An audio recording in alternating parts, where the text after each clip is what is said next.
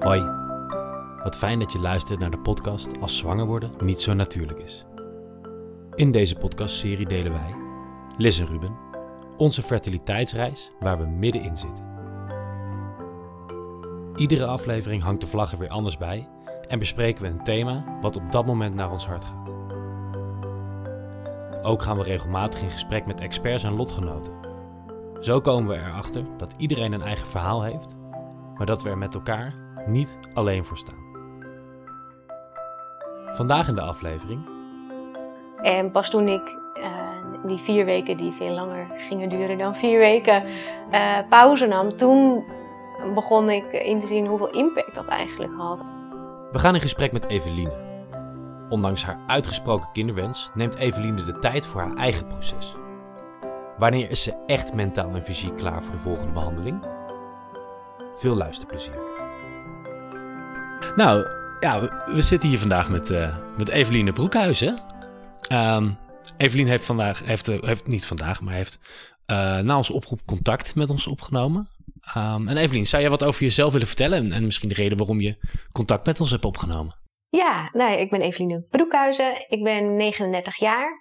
Ik woon in Wieringenwaard, is helemaal in de kop van Noord-Holland. Ja, je hebt het hele land moeten doorkruisen om hier eh, bij ons te zitten, hè? Ja, dus ik ben helemaal eh, naar Arnhem afgereden eh, om, om met jullie in gesprek te gaan. Want ik herkende echt een eh, duidelijke missie om openheid eh, over het thema rond als zwanger worden niet vanzelf gaat eh, te geven.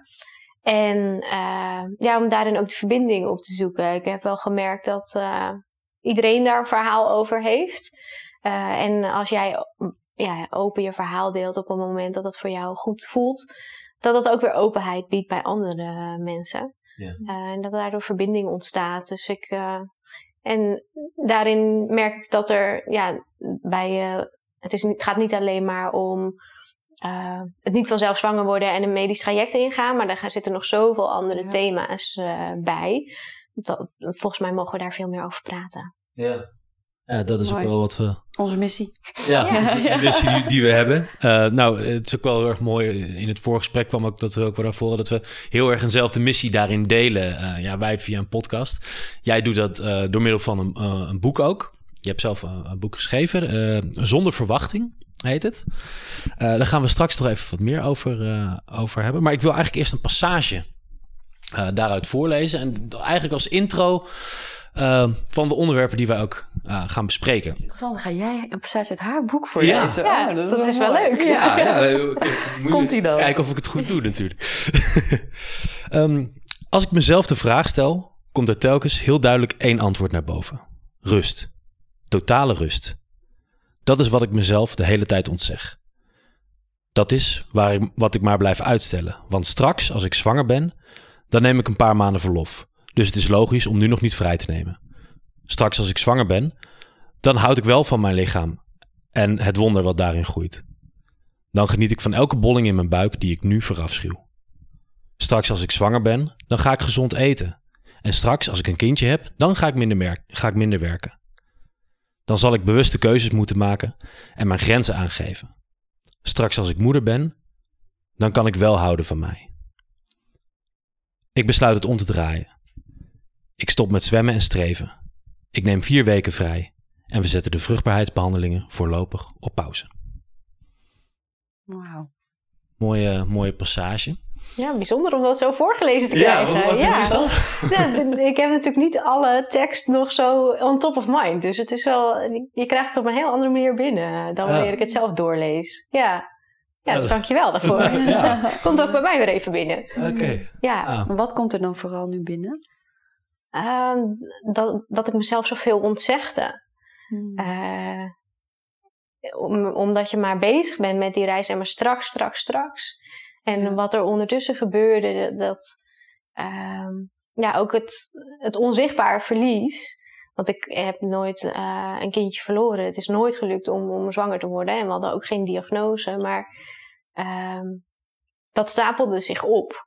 En pas toen ik eh, die vier weken, die veel langer gingen duren dan vier weken, eh, pauze nam, toen begon ik in te zien hoeveel impact dat eigenlijk had. Al die maanden, ook al voor het fertiliteitstraject, waren we ook al drie jaar bezig zelf om proberen zwanger te worden. Ook dat, eh, ja, dat, dat neem je allemaal mee als bagage. Ja. Terwijl eh, je visie telkens gewoon is gericht op, oh ja, maar straks, volgende maand, Ja. volgende maand. Zo met die toekomst bezig. Ja, en waardoor je, ik ook niet durfde te rouwen, omdat ik eigenlijk al die maanden was verloren. Want ja, als het volgende maand wel lukt, dan ben ik dat zo weer vergeten. Ja. Ja. Ja, ja, dus heel toekomstgericht, weinig in het nu, levend. En de- waar, je zegt letterlijk, je verliest maanden. Dus je verliest een stukje leven.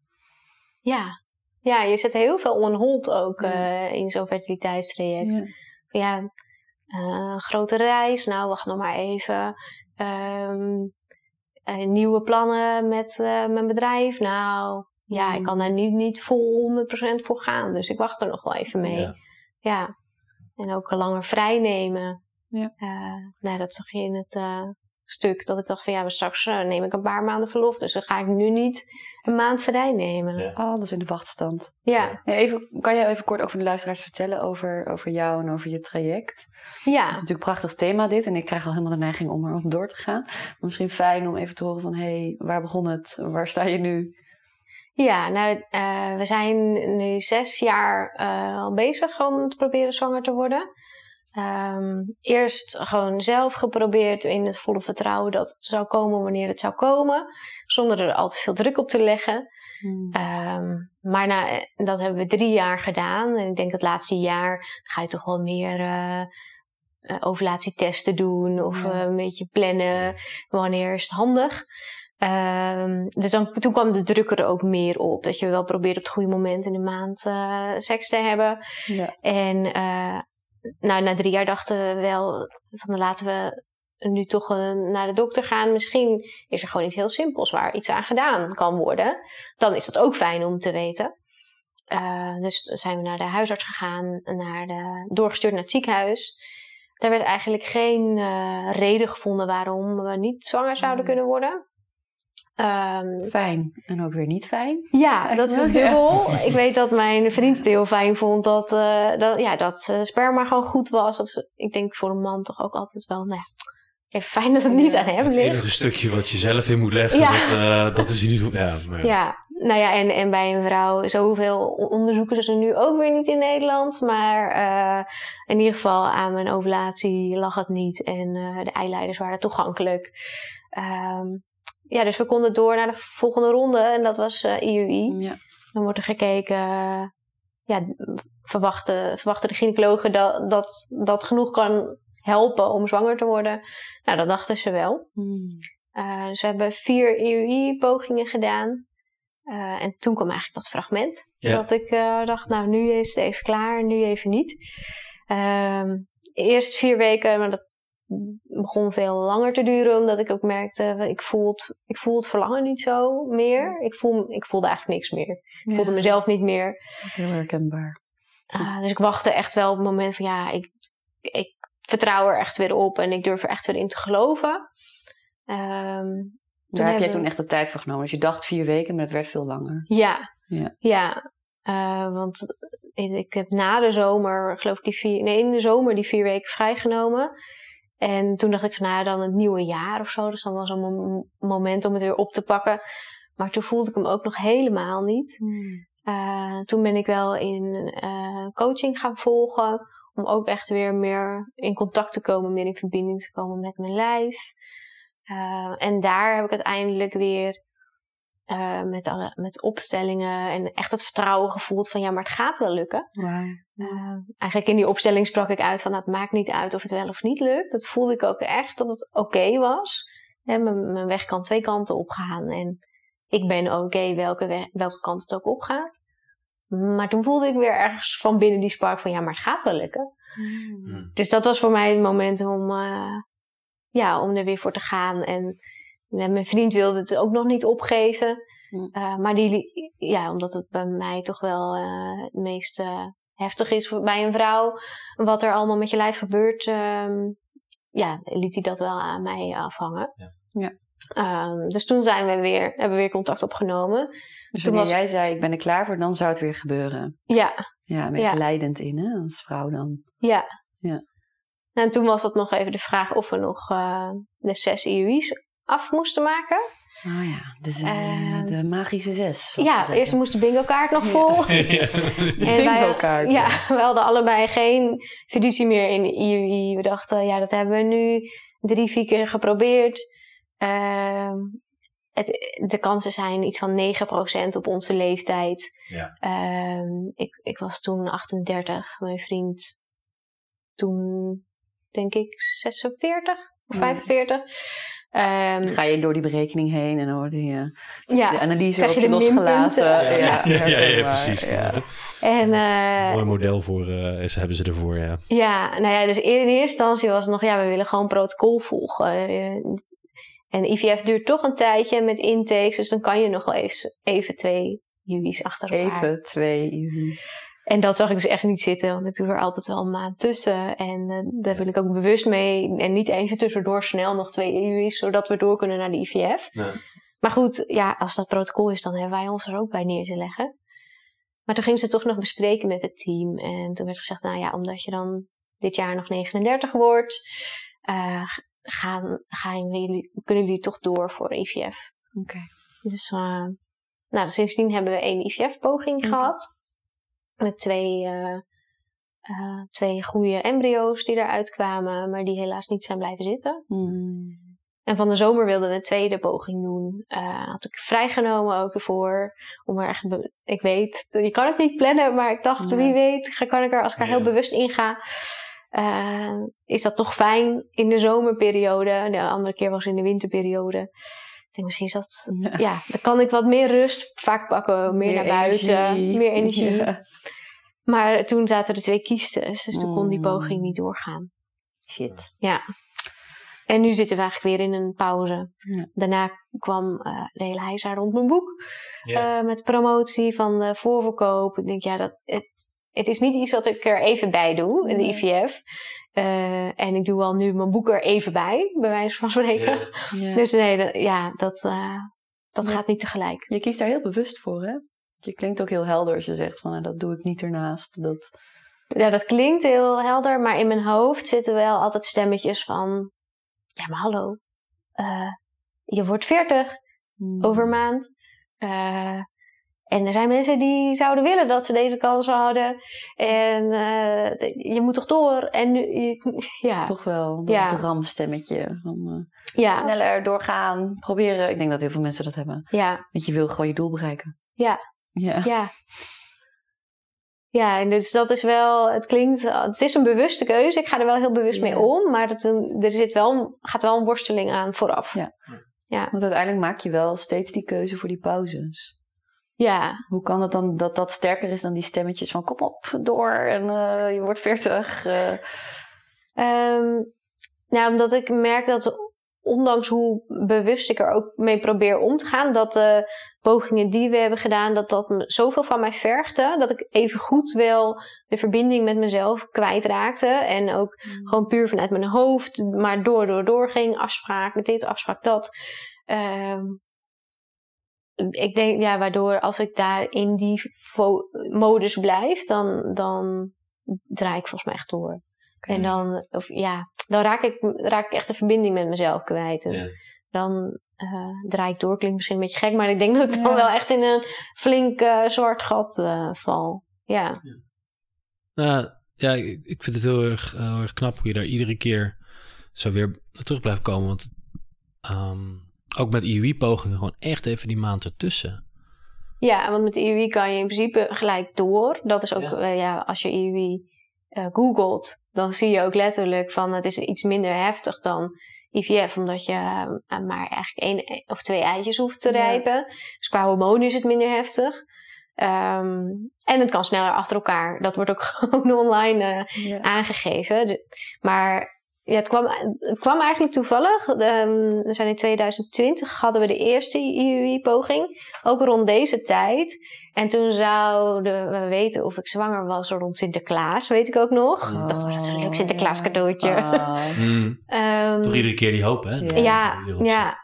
En, uh, en toen werd al gezegd, nou dan kan je waarschijnlijk niet direct daarna door als het niet is gelukt. Want dan is uh, vanwege kerst. Uh, dan houden we even dat kan gewoon met hun planning niet. Nee, dat, bij IVF gaat het allemaal gewoon door. Maar bij IUI dan, nou, dan hou je een maandje pauze ertussen met de kerstvakantie. Um, en toen, ik werd altijd al vrij snel uh, weer ongesteld. Dus al ruim voor Sinterklaas wist ik, uh, dat gaat niet lukken. Dit is, het is niet gelukt. Uh, dus toen belde ik met het ziekenhuis. Ze zeiden, oh, maar ik kan gelijk door. Want je bent nog redelijk vroeg. Het is nog geen kerstvakantie. Ja. Ehm, maar toen had ik me daar al zo op ingesteld dat ik zei van nou, ik zei ze, of wil je? Nou, ik zei nou, doe maar even, doe maar even een maandje pauze. Ja. En dat beviel me eigenlijk wel erg goed, want anders ben je op dag 1 ongesteld en mag je op dag 3 alweer beginnen met hormonen. Ja. Uh, dus ik merkte ook aan mijn lijf, uh, ja, het is wel fijn om even een normale, één normale cyclus op zijn minst te hebben, om weer even terug bij jezelf te komen. Wat merkte je dan precies? Je zei, de verbinding raakte ik kwijt, ik merk het aan mijn lijf. Want ik hoor veel vrouwen die wel vaak doorgaan, hè? Ja. Dus wat merkte jij dan dat je dacht, hé, hey, ik ga toch die pauze pakken of ik ga toch die maand ertussen? Um, ja, ik, merkte, ik, heb, ik merkte dat ik dan heel erg vanuit mijn hoofd ging leven. Um, dat deed ik vroeger ook heel veel. Ik, uh, ik ben nu schrijfcoach, maar ik, was, uh, ik, ben, ik heb bij een uitgeverij gewerkt en ik was redacteur, corrector. Dus ik was altijd uh, heel erg bezig met wat is foutjes zoeken. En ik heb langzamerhand geleerd om, om veel meer fouten toe te laten. En fouten, juist in een creatief proces is dat juist uh, nodig. Mhm. En niet alle, alles volgens de regeltjes te hoeven doen en vanuit mijn hoofd te, te doen. Maar veel meer mijn lijf. Mijn lijf is eigenlijk veel wijzer dan mijn hoofd. Dus veel meer te voelen en contact uh, te maken met mijn lichaam. Uh, en dat blijft een uitdaging. Dus ik merk dus ook op een Welke tools gebruik je daarvoor? Um, ik uh, mediteer. Uh, ik doe yin yoga. Dat is een heel rustige vorm van yoga. Waarbij je echt je lijf en ook... Um, ja, je zit langer in een, in een pose. En je gaat heel erg het oncomfortabele voelen. En ook heel erg leren voelen waar je grens zit. Dus wanneer kan ik gewoon nog ontspannen in het oncomfortabele? En wanneer ja, zit er echt een grens van, nou, nu is het ook gewoon klaar. Ik heb hem een keer meegenomen naar yin yoga. Oh ja. dacht inderdaad wel, oh, dat is niet, oh, dat is niet gemakkelijk. Nee, de eerste keren dat je dat doet, dan denk je echt van, nee, dit is toch een heel simpele houding. Waarom, waarom heb ik hier zo last van? Ja, nou en... Maar dat uh, maakt dat jij meer verbinding krijgt met je lijf. Ja, en ik merk het dus ook heel erg als ik, uh, want toen in 2020 uh, zaten we ook midden in de coronaperiode. Toen heb ik ook heel lang geen yogalessen gehad. Uh, nou, dat, ging ik ook, dat merkte ik ook aan mijn lijf. Ja. Uh, dus ik, ik, merk heel erg dat ik uh, me aanspan, dat ik mijn spieren aanspan. Merkte ik vooral bij de IVF ook achteraf. Dat je, ik zette mijn, mijn lijf gewoon echt schrap. Van nou, hier gaan we. Nu gaan we ervoor. Actiegericht. Ja, ja. ja, maar ook een soort van overleefmodus. Ah, oké. Okay. na die eerste IVF-poging die vrij lang duurde... Toen ging ik ook weer naar mijn spiertherapeut. En die zei, oh, je zit helemaal vast. Oh ja. Echt dat hele lijf had zich uh, schrap gezet. Zo. Ja, en dat zolang je je zo schrap zet, kan je heel lang door. Totdat je dat merkt en je ontspant. En dan merk je eigenlijk van, oh, ik had echt een soort harnas. Ja. Gewoon als lijf om me heen. En die pauzes zijn dus eigenlijk echt nodig om dat überhaupt te kunnen voelen. Om daar bewust van te zijn. Ja, want anders voel je het dus ook gewoon niet. Ga je gewoon door. En, en die neiging heb ik dus nog steeds. Dus als, als, uh, als ik weer begin met een poging, dan is er oh ja, afspraak. Dan ben ik heel erg bezig met plannen. Ik heb mijn eigen bedrijf, dus gelukkig kan ik mijn eigen tijd indelen. Maar dat vergt ook wel planning. Ja, uh, ja. Ik, ben, ik, ik laat dat mijn klanten ook wel weten. Dat ik smiddags de afspraken plan. Omdat de meeste onderzoeken morgens zijn. Mm. Uh, maar goed, dan ben ik dus heel erg met mijn hoofd bezig. Met plannen. Uh, met uh, ook. Uh, het is voor ons drie kwartier rijden naar het ziekenhuis. Okay. Uh, dus, dus, ja, daarin ook merk je van, nou, het, het is een, vaak een echo, duurt tien minuutjes en dan sta je weer buiten de deur. Ja. Maar ja, daar ben ik dus wel twee uur mee zoet, zo'n ja, beetje. Ja. en als ik dan thuis, als ik dan thuis kwam, dan ging ik meestal meteen weer aan de slag. Want ik had twee uur gemist, dus hup, ja. door, doorwerken. Ook al zorgde ik wel dat ik iets minder werk had. Uh, ja, dus ik heb echt moeten leren om nee, eerst even, eerst even terugtrekken, even pauze, mm. even... En, en, nu, en dat, dat valt me wel erg, want wij, wij kennen dat heel erg, het gevoel van dat het echt eventjes een poosje pauze moet. Dat hebben wij uh, vorig jaar ook heel erg gedaan. Maar wat me nu ook wel heel erg opvalt aan je verhaal, is dat je wel echt zegt van oké, ik doe het er niet even bij. Eigenlijk zet je, als je in een, voor de volgende IVF-poging, wil je eigenlijk ook even alles aan de kant zetten om dat te doen. Hoe... Um... Ja, ik snap wel wat je bedoelt vanuit het fragment. Uh, in het fragment zeg ik, heel, ik zet mijn leven on hold omdat ik alleen maar bezig ben met het zwanger worden. En uh, nu zou je dan voor een poging ook je leven helemaal ja. pauzeren. Nou ja, zo, daar, daar doe ik inderdaad. Ja, het is ofwel het, het, traject pauzeren en leven, ofwel je leven ja, pauzeren. Gaat, gaat dit niet tegen wat we hier net hebben gelezen in?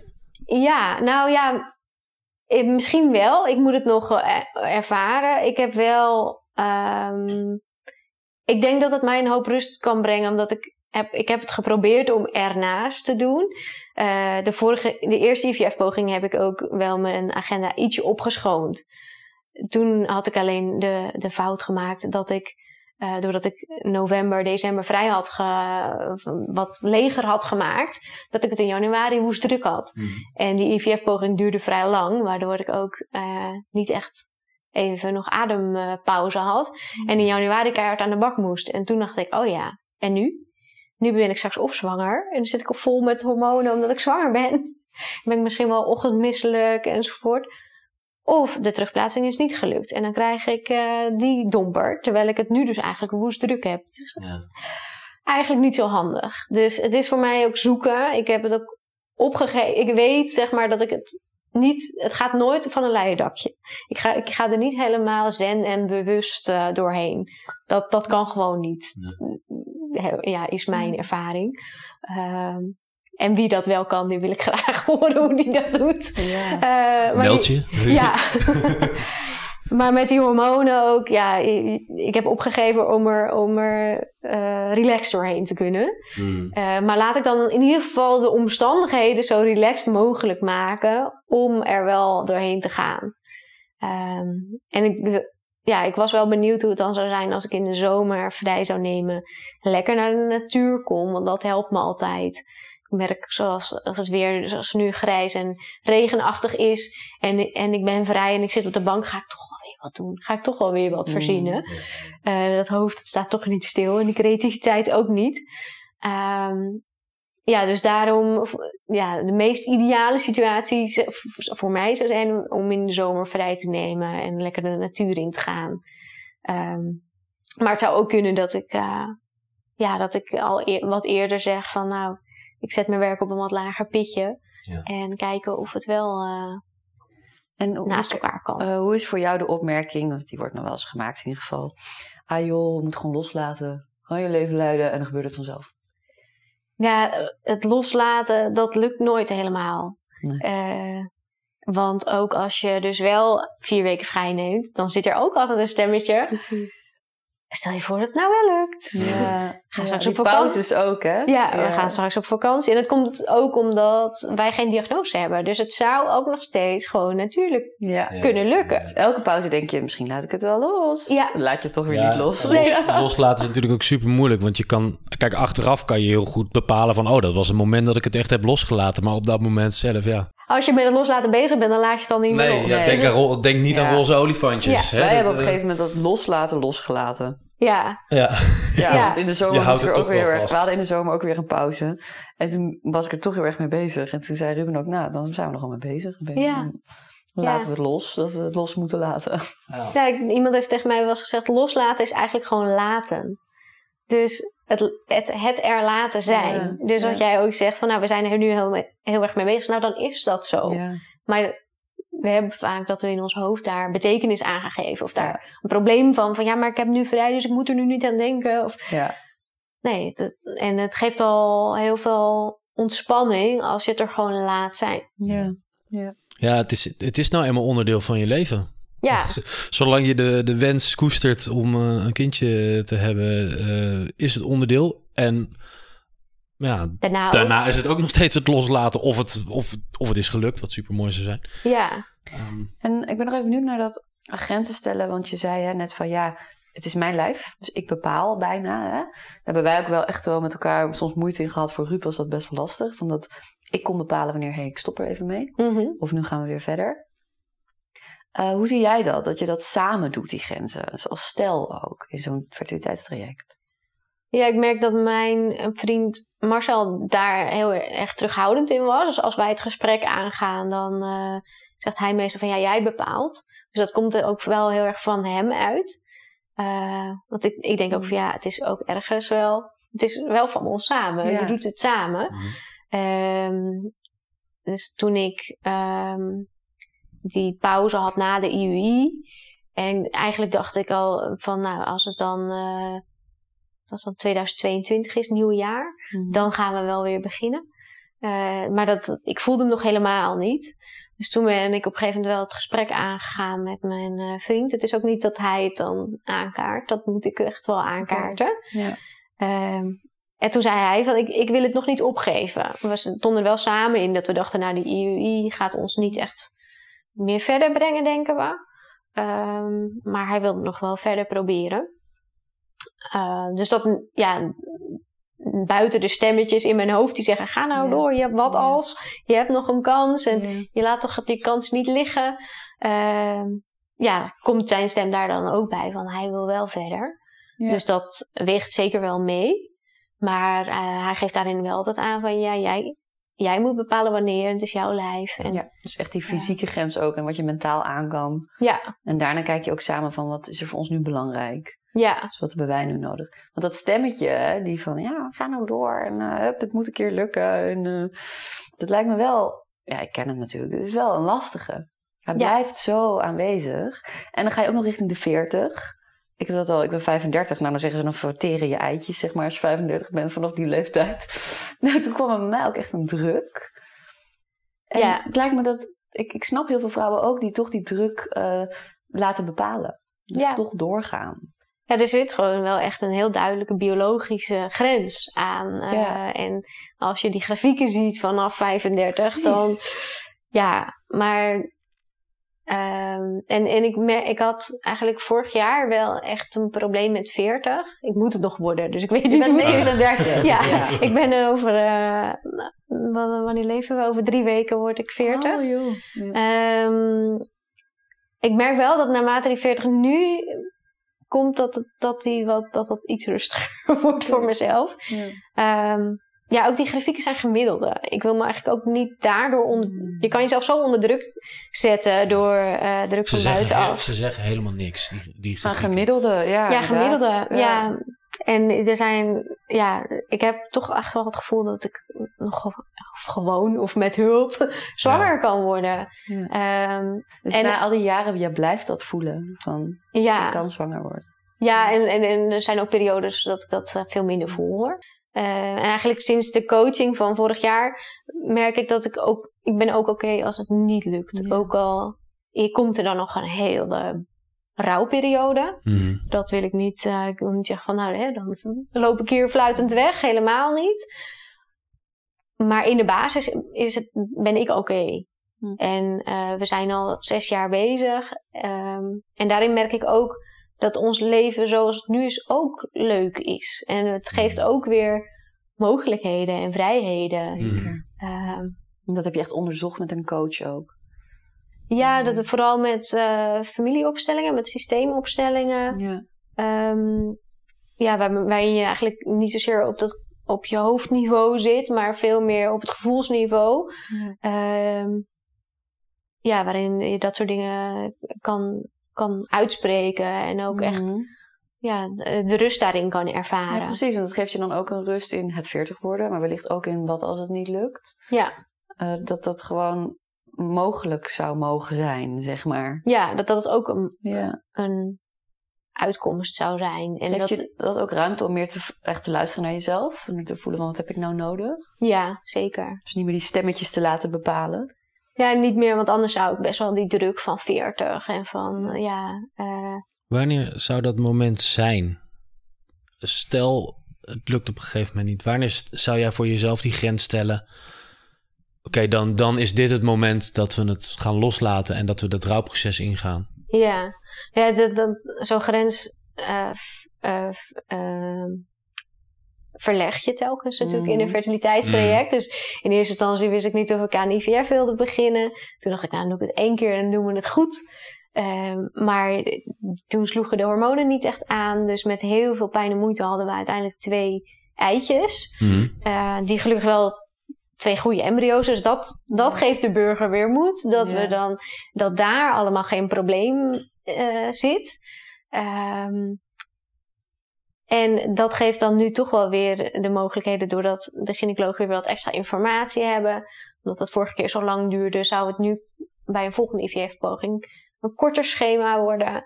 Um, ja, en dan heb ik toch nog wel ergens de neiging om te zeggen, nou, we doen nog één keer en dan, en dan goed. Ja. Uh, dus met zo'n kort schema en in principe met de bevruchtingen gaat dat allemaal goed. Dus dan zouden we best een voorraad kunnen hebben. Ja. En daarin zit natuurlijk wel, daarin voel ik nu meer de grens ook van 41, want na 41 krijg je geen IVF-pogingen oh, meer. Okay. Oh, ja. Dus je hebt, ja, dus voor, de, voor mijn 41ste zou je dan nog wel het liefst zoveel mogelijk cryo's willen hebben uh, om, uh, om te proberen. Dus eigenlijk gewoon nog die leeftijdsgrens. Ja. Dat is ook wel een grens voor jou dus. En, ja. En dat je nog echt een wens hebt om nog die poging te wagen, om dan een mooie oogst te hebben. Ja, er zit toch zo'n wat als anders. Ja. Ah, ehm, ja. En ja, je mag natuurlijk drie IVF-pogingen. Ik denk niet dat ik voor een derde zou gaan. mooi, je zegt dat een beetje, ik denk niet. Ja, ik kan het niks met zekerheid zeggen. En dat is dat het eh, verleggen van die grenzen. Daar hebben we ook een aflevering over van... Je kan het bedenken van tevoren, maar als je erin zit... Ja, dan kan het toch weer anders gaan vormen. Dus, en, en, en, nog steeds lopen we daar iedere keer weer tegenaan van... Oh ja, uh, eh, IVF was echt niet in vragen... Um, een jaar geleden voor, voor ons. dus ja. ja. Nou ja, en daarin, ja, het loopt. Ik had op een gegeven moment wel een beetje. Het loopt, zoals gepland loopt alles anders. Ja, het loopt nooit oh, zoals verwacht. Loopt. Dat is uh, de, het motto, zeg maar, de spreuk van een We hadden het net nog in de auto hier naartoe uh, erover. We, we wilden bij uh, ons thuis opnemen, maar de, er waren graafwerkzaamheden en toen noemde hij hem ook al. Het loopt altijd weer net anders. Altijd weer anders. Dat is het enige wat je zeker weet. We worden wel flexibel van die fertiliteitstrajecten. Ja, nou ja, en daarin ook uh, je comfortabel zijn of eh, oké zijn in het, in het ongemak en in de onzekerheid. Dat is echt wel een uitdaging. Eh, oké okay zijn in het ongemak en onzekerheid. Ja, dat is het helemaal. Zit het hele leven, denk ik. Ja. ja. En in een fertiliteitstraject word je extra op de proef gesteld. Ja, zeker. Ja. Ja, dus, dus, eigenlijk is er, als je zegt een harde grens, is er dus niet echt van wanneer is het genoeg. Maar jij blijft luisteren ook en inchecken met jezelf, want dat kan jij dus heel goed blijkbaar. Te voelen, hey, wat is mijn grens nu? Wanneer heb ik een pauze? Ja, ja soms eh, voel ik dat ook te laat. dan, waar, uh, ja. waar merk je dat dan aan? Uh, dat ik heel gestrest ben en oh dat ik echt die spanning in mijn lijf voel. En dan ga je naar het hoofd, zeg maar. Wat je ja, zegt. Dan, ja. ja. En dan dan ga ik ook op een gegeven moment naar een yogales. dan merk ik dat ik helemaal vast zit. ja. ja. Mooi. hey, ik wil nog even naar uh, ook een stukje over jouw boek. Uh, wil ik het hebben, zonder, uh, zonder verwachting.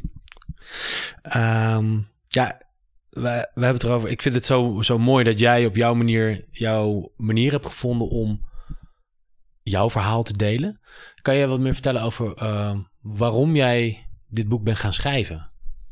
Ja, um, dan ga ik weer even terug naar 2020. Dus toen hadden wij net alle onderzoeken gehad en zouden we met IUI gaan starten. Um, en ondertussen kwamen er, ik ben schrijfcoach, dus ik help uh, ondernemers en ervaringsdeskundigen met het schrijven van hun boek.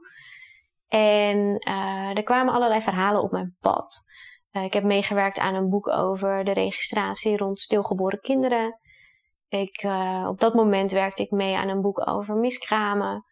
Um, en ik was zelf natuurlijk ook, omdat we toen al wel uh, ruim drie jaar uh, aan het proberen waren, ging ik naar de rieten van de baarmoeder. Ik was me wel, nou ja, rond die thema's, daar was ik wel mee bezig. En ook aan het kijken van wat kan ik zelf doen om contact te maken met mijn lijf en het niet alleen maar nou ja, als een soort eh, reproductieorgaan te zien. um, dus zo kwamen er allerlei mensen op mijn pad, waardoor ik ook wel wist van, oh ja, ik moet nu misschien wel gewoon naar het ziekenhuis en wel hulp gaan aan. Uh, um, hulp gaan, gaan nemen, ontvangen. Ja. ja. Ehm, en ook wel mijn verhaal gaan delen. Uh, ik kwam in contact met een kinderwenscoach en wij zaten te kijken of we samen een cursus konden geven aan andere vrouwen om hun verhaal te delen. Want ja, als schrijfcoach geloof ik in de kracht van verhalen en ik mm. zie wat de kracht van verhalen met mensen doen. Uh, en vooral ook het boek rond uh, de registratie van uh, doodgeboren kinderen, waar echt mensen die tientallen jaren later een kind een naam konden geven en dat konden registreren en wat dat met mensen deed. Uh, en wat die verhalen dan ook weer met mensen mm. deden. Dus uh, nou, van daaruit kwam uh, ook bij de missie samen met die kinderwenscoach. Toen dacht ik, ja, dan moet ik dus ook mijn eigen verhaal gaan vertellen. Ik kan dan niet gewoon lekker zelf in de schaduw gaan zitten. Practice what you preach. Yeah. Ja, dus voor die cursus had ik een blog geschreven. Dat zorgde ook wel, ik zat er dan nog een beetje tegenaan te hikken. Mhm. Dus dat zorgde ook wel om net dat, dat setje te doen van waar, waarom zou ik dit doen? um, en met dat blog uh, liet ik weten, nou, als je me echt zou kennen, zou je weten dat ik 1 op de 6 ben. Dat was ook in de week van de vruchtbaarheid dat dat thema belangrijk was. Dus 1 op de 6 mensen bij wie zwanger worden niet zo natuurlijk is. En daar krijg ik onwijs veel reacties op. Echt van mensen die drie kinderen hadden rondlopen, waarvan ik helemaal niet wist uh, dat ze IVF hadden gedaan bij alle drie. Of mensen die, uh, bij wie het vijf jaar had geduurd voordat de eerste kwam. Of, en geweest gaat, gaat iedereen met zijn boekje open. Ja, ja. ja. En we, oh, wij, zitten, wij zitten nu in een IVF-behandeling, of wij zijn net uh, besloten ermee te stoppen. En toen dacht ik, wow. Ja. Er zijn, het zijn, die verhalen zeiden nog weer veel meer dan dat cijfer 1 op de 6. Want je weet, ik ben niet alleen en er zijn meer mensen, maar uh, geen mensen in mijn nabije omgeving. Uh, maar dat bleek dus wel. Ja. Ja. ja. ja. veel eigenlijk ook nog. Ja, echt heel veel. En dacht ik, waarom zeggen jullie dit nu pas? Ja. Want wat deed dat dan met jou toen ze het uh, zeiden? Um, nou, het gaf me echt het idee dat ik niet alleen was. Uh, en dat het allemaal niet zo, is niet zo vreemd of gek was. Ja. Maar dat weet je wel, dat het niet vreemd is. Maar zo voelt het, wel. Ja. Het voelt wel als een heel eenzame strijd van, nou, waar gaan we nu aan beginnen? en ik moet hierin, en anderen misschien niet. Ja, en wat, wat is dit? Wat, wat gaat me allemaal gebeuren? Uh, en ik heb daarin wel gemerkt dat de verbinding met andere wensmoeders, andere stellen die uh, er doorheen gaan, dat het heel fijn is. Het is ook fijn om er open over te zijn tegen andere mensen. Maar met mensen die door iets soortgelijk zijn gegaan, hoef je niet zoveel uit te leggen. Die weten precies van, oh ja, dat gevoel van die hormonen. Ook oh. die opmerking, oh ja, ja, die hebben we ook gekregen. Ja, ja, ja en dat is zo lekker. Uh, want nou, ik vind het belangrijk om er open over te zijn ik merkte ook dat het heel fijn was om er open over te zijn richting mijn klanten. Hmm. Uh, vroeger was ik nog wel meer van privé en werk gescheiden houden. Maar naarmate er steeds meer persoonlijke verhalen op mijn pad kwamen, uh, ja, integreerde dat steeds meer. En ik had eerder gemerkt bij een uh, persoonlijke familieomstandigheid dat het gewoon heel fijn was om te zeggen van nou dit is aan de hand. Ja. dus deze week ja, ben ik gewoon even waarschijnlijk uit, uitgecheckt. Ja. Um, en dat was nu ook fijn om daar open, over te zijn. En er waren ook best wel veel klanten die ook iets soortgelijks hadden meegemaakt. Dus dat ja, je, ja. dat je deelt. En... Het komt dan ook weer op je pad. Of je, ja. En doordat je er open over bent, zijn zij ook open. Dus toen besloot je, ik ga altijd open zijn. Ik ga er zelfs een boek over schrijven. Ja, nou, ik, ik besloot eigenlijk van, ik ga, ik ga het schrijven voor mezelf. Oh ja, Ik merkte met het, uh, nou ja, dus dankzij dat blog hoeveel het met mensen deed. Maar ik merkte ook dat het met mij heel veel deed. Ik denk, ja, we gaan nu dat fertiliteitstraject in. Dat wordt één grote rollercoaster. Dus ik wil dat een beetje bijhouden. Van wat doet het met me? Ja. Maar ik merkte ook dat het onderwerp... Ik denk, ja, mijn kinderwens is al veel eerder ontstaan. En ik heb eerder een relatie gehad... Uh, met een man die geen kinderen wilde. En ik in het begin ook niet, want toen was ik 18. Maar toen ik uh, halverwege de 20. Uh, Ergst denkbare SOA, zei ik toen ik 18 was. Ja, oh, erg, hè? Nu denk ik wat erg. Ik heb iets over mezelf afgeroepen. maar uh, nou ja, op een gegeven moment, dat ik halverwege de 20 was, wilde ik wel kinderen. En hij niet. Dus daar staat ook nog een heel verhaal. En ook. Ehm, toen ik nog geen kinderen wilde, begin 20, en allemaal vrienden en en familie in onze omgeving wel kinderen kregen, mm. kreeg ik ook al heel veel ook reacties van, uh, heb je kinderen? Nee. En hoe, er dan, en hoe er dan werd gereageerd. Wat dat waarom doet hè, in je leven. Ja. ja.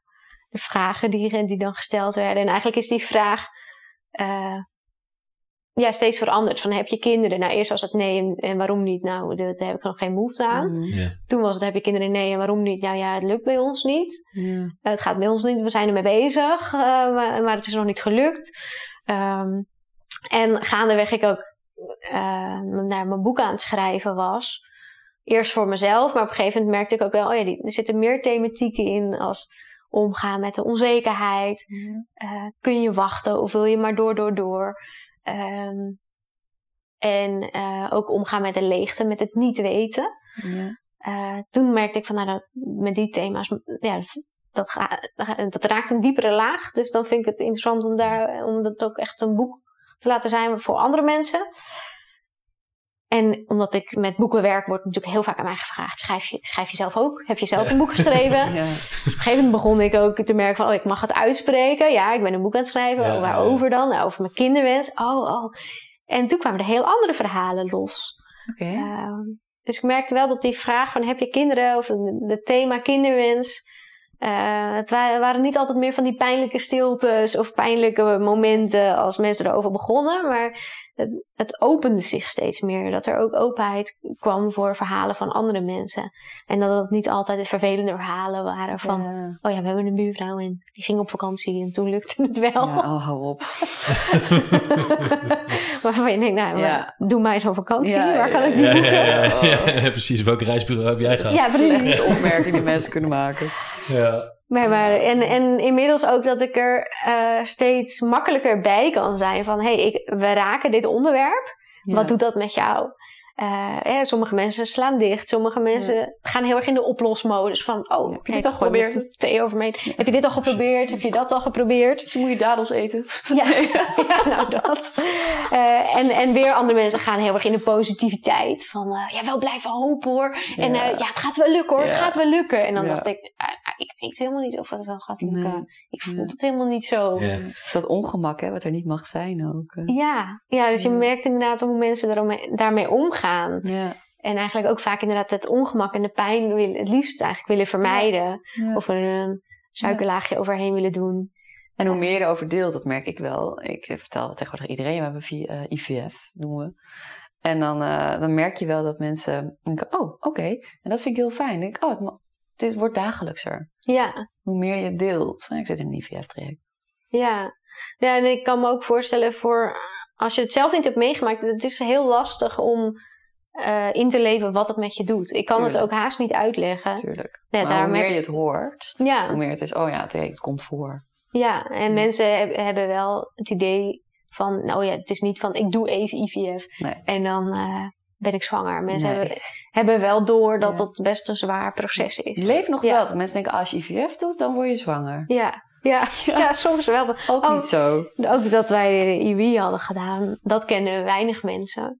Uh, maar dan is het, oh, maar je kan toch nog altijd IVF doen? Ja. Alsof je dan eventjes dat gaat doen. Ja. Ja, ja. het, is, het is magisch wat ze allemaal kunnen, maar zo magisch is het uiteindelijk uh, allemaal niet. Het moet allemaal wel, uh, de sterren moeten wel goed staan voor je. Maar jouw boek draagt dus wel bij aan dat, die openheid erin en dat delen. En... Ja, nou daarin merk ik ook dat over IVF wel veel bekend is. En mijn boek gaat, loopt eigenlijk tot, tot en met de vier IUI-pogingen en dan het jaar pauze. Dus het heeft een open eind. Ja. Omdat mensen in een traject ook heel vaak met een open eind mm. leven. We weten nog niet of het een ja of nee wordt. Um, maar ook over IUI is er nog vrij weinig geschreven. De meeste mm. boeken gaan over IVF. Ja. Dus ik vond het ook belangrijk. Ik merkte zelf dat ik dus in het begin, uh, zoals ook uit het fragment bleek wat je voorlas, heel erg de neiging had om het weg te wuiven. Van, oh, maar het is niet zo erg. Ik werkte dus met iemand die meerdere miskramen had. Ik denk, ja, maar ik heb nog nooit... Het is nog nooit bij ons ook misschien gelukt. Of één mm. uh, vaag streepje of zo. Ik werd altijd gewoon ongesteld. Dus ik had het idee dat ik... Hè, bij ons valt het wel mee. Bij ons, IVF is erger. En ik heb nog nooit een verlies gehad. Dus dat is erger. Um, dus die neiging van wegwuiven had ik sowieso. Ja. En ik denk dat dat bij IWI nog meer uh, op de loer ligt dan bij IVF. Mm. Ja. Bij IVF heb je meer zo oké, we gaan er weer voor. Weet je wel, helemaal richting uh, dan echt een poging. Van oké, we gaan nu echt weer zo'n hoge berg beklimmen. En daarna zien we, zien we welke stappen we dan te zetten hebben met hoeveel uh, cryo's of embryo's er zijn. Ja. ja. ja. het is inderdaad dan eerst die berg bewandelen. heel mooi hoe, uh, ja, hoe we daarin wel heel erg dezelfde, uh, ja, dezelfde doelen ook nastreven. In, in echt dat, dat stukje openheid ook creëren door middel van een persoonlijk verhaal. Ja, er minder alleen in staan. Ja, Vind, vind, ik heel mooi om je zo dan uh, te ontmoeten en dat we die, uh, ja, echt die raakvlakken delen. Ja, vind ik ook. En dat het gewoon voorkomt. Ik ben een van die 1 op 6. Ja, ik ook. Ja. ja. ja. Als je in een kamer zit met 10 vrouwen, nou, reken maar uit. Ja, het gebeurt echt veel meer. En ja. ja, sinds ik er open... Alleen als je er zelf open over bent, dan ga je dat pas merken. Ja. En dat is eigenlijk de paradox. Want eh, dat kan eng zijn om, uh, om er open over te zijn. Uh, je hoeft ook niet over alles open te zijn op elk moment. Nee. Uh, je, je, kan delen wanneer het je, wat wanneer jou uitkomt. Maar uh, om gewoon open over te zijn dat het niet natuurlijk gaat, ja. dan ga je pas merken hoeveel mensen er ook mee dealen en hoeveel verschillende verhalen er eigenlijk zijn. Het opent een hele hoop ja, uh, deuren in contact naar mensen toe. Dat merken we ook heel erg. We zijn sinds dat we, zeker met de podcast zijn begonnen, uh, zoveel meer mensen ook weer tegengekomen. En ja, nu doet het ook voor mij in ieder geval eigenlijk weinig pijn nog om, om over het onderwerp te hebben. De, waar we in zitten doet me nog steeds, kan me nog steeds heel erg pijn doen, maar uh, niet om erover te praten. Nee, nee. We praten er zelfs graag over. Ja. Ja. ja. ja. En dan ja, wil niet zeggen inderdaad als je, als je door een moeilijk proces gaat, nee. Dat je uh, ja, dat, dat je dan niet iedereen op de hoogte zit te Absoluut houden niet. via de app, bij wijze van spreken. Nee, daar zit echt een uh, verschil in. Maar soms is het, zoals nu ontmoeting met jou, is het heel fijn om erover te praten. Omdat het, ja, het, ik, wat ik al net zei, het wordt dagelijkser. Ja. Ik vind het zo fijn dat het niet meer, oh, dat doe je in een kliniek of in een ziekenhuis. En verder heb je je leven. Ik denk van, oh nee, het zit gewoon, het, het zit in je leven, het zit in onze levens. Met veel meer mensen nog erbij. Ja. Bestaat. Ja, het verweeft zich echt in je leven. Ja. ja. ja. Mooi. Ik wil een beetje naar een afronding toe. Um, Evelien, ontzettend bedankt dat jij bij ons in de podcast was. Ja, je hebt ook zelf een podcast. Ja. Uh, dat, uh, die heet uh, Evelien in Boekenland. En daar, daar, dat is meer jou als schrijfcoach, hè? Ontmoeten we daar. Ja, ja daar onderzoek ik ook ja, hoe het net even anders kan in het boekenvak. Ja. En ik heb daar ook mensen in meegenomen in hoe ik mijn boek ben gaan schrijven. Ja. dat is de eerste aflevering, dus die gaat wat meer ook over het fertiliteitsonderwerp. Ja. ja. En ook mooi hoe je beschrijft hoe het steunend kan zijn om te schrijven, ook in het proces van fertiliteit.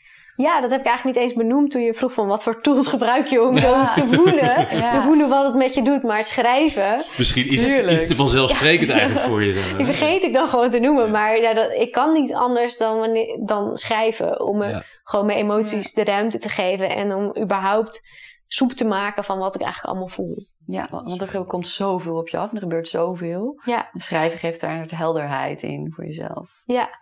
Ja, ja. ja mooi. Ieder geval de podcast, die kun je luisteren op Spotify. Ja, ja we zullen wel een linkje zetten. In ja, we zullen een linkje zetten in de... En uh, daarnaast uh, is er vanaf uh, ja, nu, eigenlijk al een paar weken, hè, ligt jouw boek in de, in de, in de handel. Ja. die is gewoon online verkrijgbaar, zonder verwachting. En nou, ik heb hem ja, al een gedeelte ervan mogen lezen. En ik vond hem erg, erg prettig om te lezen. Je schrijft heel fijn. Dus, oh, leuk om te horen. Ja. En dank jullie wel voor jullie ja. gastvrijheid. Gaan we wel de uitsmijter doen, hè? Wat we iedereen vragen. De uitsmijter? Ja, of je oh, iets wilt delen met luisteraars. Ja, wat wil je nog meegeven? Um, wat wil ik nog meegeven? Ja, durf het op jouw manier te doen. En neem voor je neem je tijd om dus te voelen wat je manier is. Want dat klinkt heel fijn.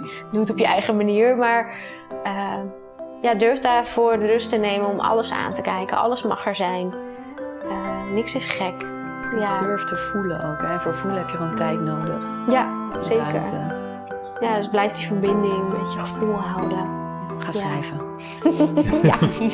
ga doen wat voor jou werkt. Ja, ga doen wat voor jou werkt. Daar, daar ben ik heel erg voor. Zeker. Ja. Mooi. Mooi. Sluiten we hem daarmee af. Dankjewel. Dankjewel, Evelien. Dank